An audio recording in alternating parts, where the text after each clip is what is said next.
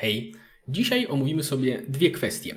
Pierwsza z nich to jest to, czy państwo oraz czy instytucje państwowe powinny być neutralne światopoglądowo, jak to czasem można spotkać się z tego typu postulatami.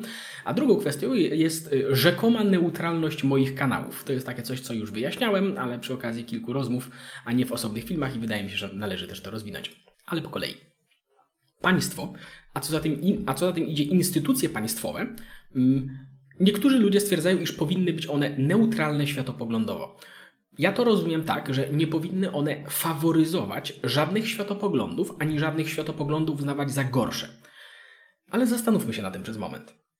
Co jeśli byśmy chcieli na przykład powiedzieć dzieciom w szkole państwowej, że pewne ideologie, pewne światopoglądy, które kreowały na przykład XX wiek, były złe, że nie należy ich powielać, że jeżeli ktoś wyznaje pewne światopoglądy, które były popularne w XX wieku, to to jest niewłaściwe.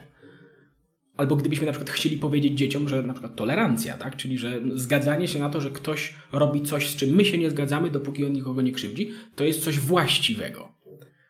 Jeżeli byśmy chcieli coś takiego przekazać dzieciom.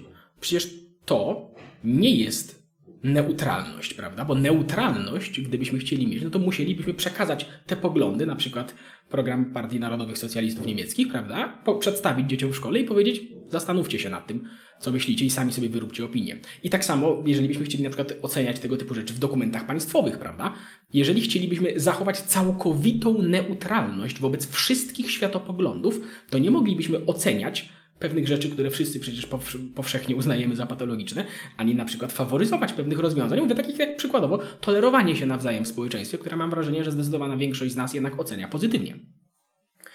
I to nie jest neutralne podejście. To znaczy idee takie jak na przykład wolność słowa, właśnie tolerancja, wolność wyznania, demokracja itd. Tak opierają się na pewnych założeniach, takich jak na przykład to, że człowiek ma pewne przyrodzone, odgórnie nadane i obiektywnie istniejące prawa, na przykład prawo do życia, do wolności itd. Tak I te założenia nie są neutralne ani bezstronne one wyrosły przecież w pewnej konkretnej kulturze, w naszej kulturze, a poprzez w większości kultur poprzez historię świata oraz nawet powiedziałbym, że w całkiem sporej ilości kultur dzisiaj takich założeń nie ma. I to taki światopogląd, który się to tworzy wokół tego, to jest tak naprawdę coś około liberalizmu w którym właśnie no, żyj i pozwól żyć innym, prawda? I wielu liberałom, moim prywatnym, według mojej prywatnej obserwacji się wydaje, i dla jasności ja to mówię jako osoba, która się w dużej części zgadza z tą ideą i całkowicie się zgadzam na przykład, że w Polsce potrzeba, myślę, że więcej liberalizmu, równie przede wszystkim światopoglądowego, ale wielu liberałom błędnie się wydaje, że ich światopogląd jest neutralny, a nie jest. I to nie jest krytyka tego światopoglądu, ja się w dużej mierze z nim zgadzam, ale błędem jest twierdzenie, że ten światopogląd jest neutralny. To znaczy, ja myślę, że ten światopogląd jest właściwy w perspektywie organizowania przestrzeni publicznej państwa, ale nie jest, bez wątpienia, nie jest neutralny. No ale dobrze, może w takim razie zawęźmy tę e, perspektywę, bo w takim razie być może państwo może nie tyle powinno być neutralne światopoglądowo, gdyż, tak jak mówiłem, raczej jest to niemożliwe po prostu, ale być może na przykład nie powinno faworyzować żadnych religii, powinno być neutralne religijnie. No i myślę, że bez, bez problemu można wskazać na przykład miejsca, gdzie nawet w Polsce instytucje religijne zbytnio ingerują w środowiska władzy państwowej, prawda? I tutaj chcielibyśmy skrytykować taką perspektywę. Jasne, bez żadnego, bez żadnego problemu, takie rzeczy jak najbardziej można wytykać, wytykać i, i, i krytykować. Natomiast w sensie krytykować, gdy na przykład y, mamy zbytne, za, zbytnie zaangażowanie sfery religijnej w sferę, która powinna być świecka. Ale to nie jest to samo, co bycie całkowicie neutralnym czy bezstronnym w podejściu do różnych religii. No bo jeżeli chcielibyśmy się zastanowić nad tym ponownie, co to miałoby oznaczać w praktyce, to na przykład, czy weekend powinien obejmować niedzielę? A jeśli tak, to dlaczego? No przecież nie na całym świecie weekend jest sobota, niedziela. W wielu krajach arabskich weekend jest czwartek, piątek albo piątek, sobota. Więc dlaczego akurat weekend mamy w niedzielę? Albo inaczej, czy Boże Narodzenie powinno być dniem ustawowo wolnym od pracy? No przecież tego typu rozwiązania są jawnym uprzywilejowaniem religii chrześcijańskiej, prawda? A przynajmniej tradycji wywodzącej się z tej, religii.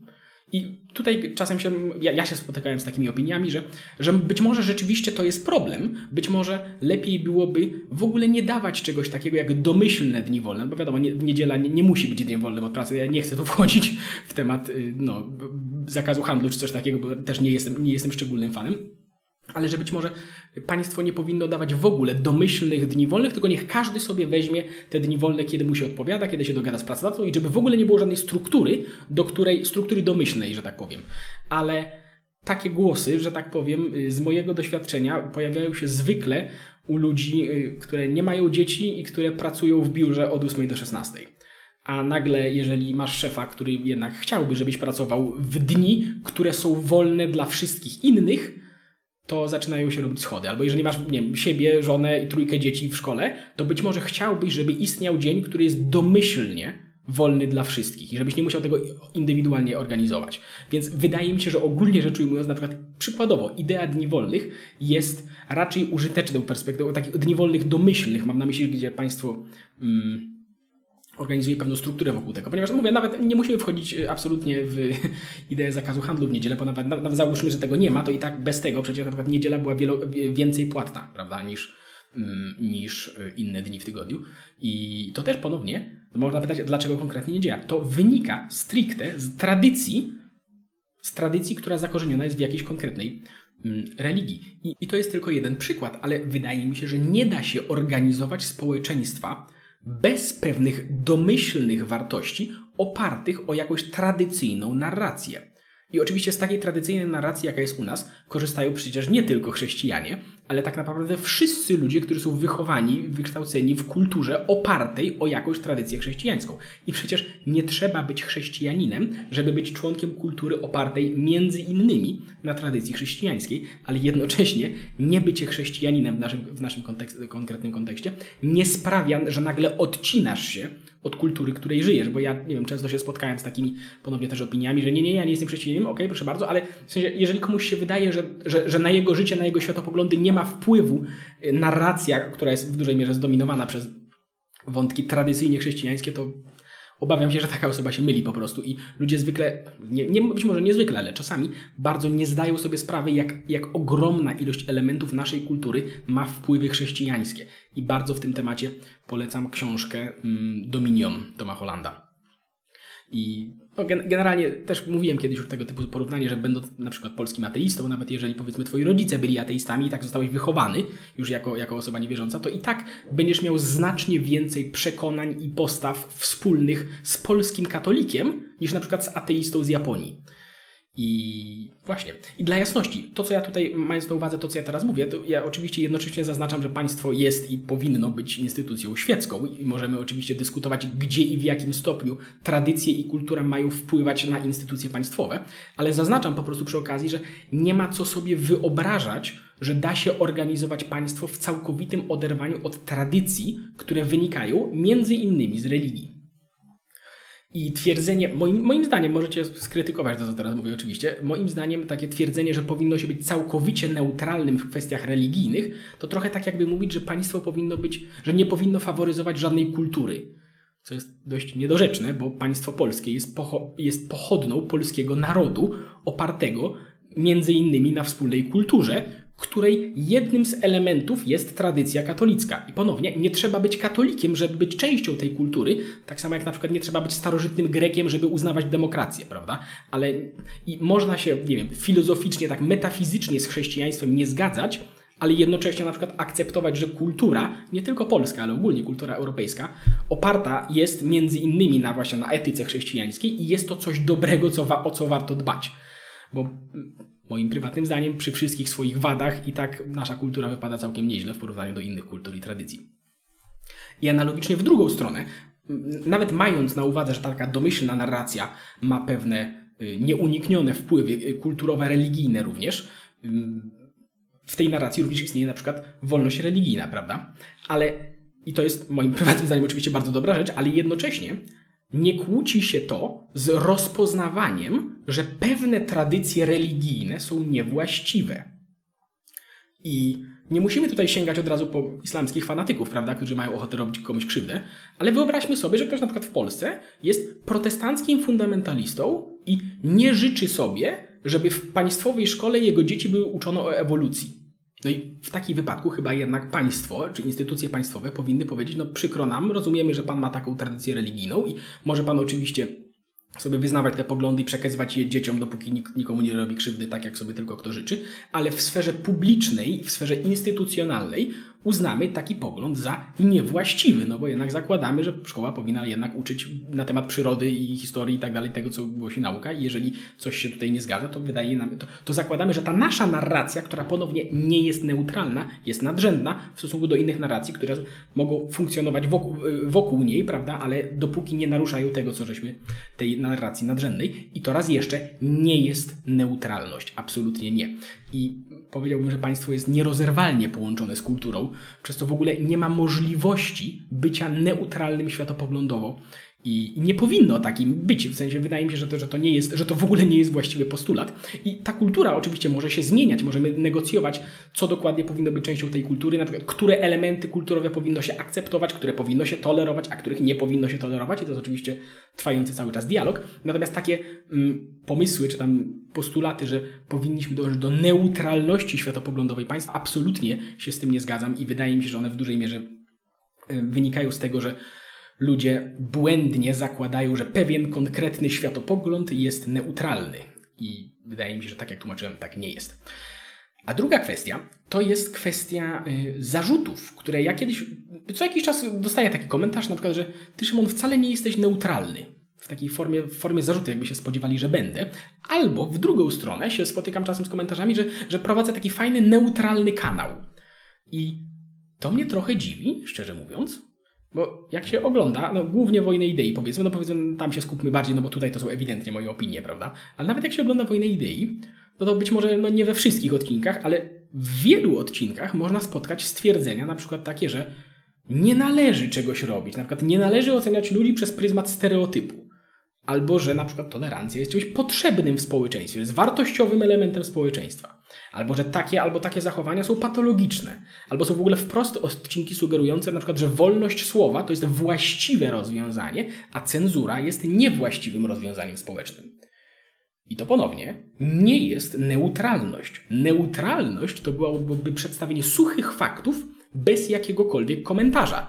Oczywiście można się kłócić, że nawet jak przedstawiasz suche fakty, to wybierasz, które fakty przedstawić, a których nie, bo wszystkich się nie da i tak naprawdę tu się też nie da być neutralnym, no ale to już jest, że tak powiem, osobna, osobny temat. Ale dlatego, jeżeli ten kanał ma formę taką, gdzie no, pojawiają się tego typu nacechowane jednak przecież opinie o pewnych, o pewnych zjawiskach, a może nie tyle opinie, co wartościowanie pewnych, yy, pewnych zjawisk, no to jak, jak czytam komentarze, że ty wcale nie jesteś neutralny, no w sensie, no oczywiście, że nie. W sensie to, to, to absolutnie nie jest neutralność, to co jest, y, to co jest na tym kanale prezentowane.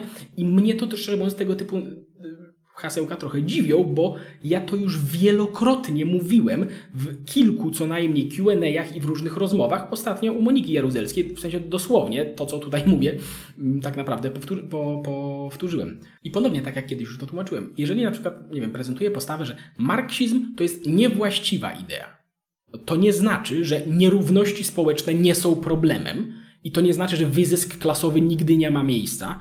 I powiedziałbym nawet, że czasem na przykład marksiści łatwiej zauważają te problemy niż na przykład szeroko pojęci wolnościowcy. Tylko, że w ich przypadku, w przypadku marksistów, po prostu to proponowane przez nich rozwiązania po prostu nie działają i przynoszą więcej szkody niż pożytku.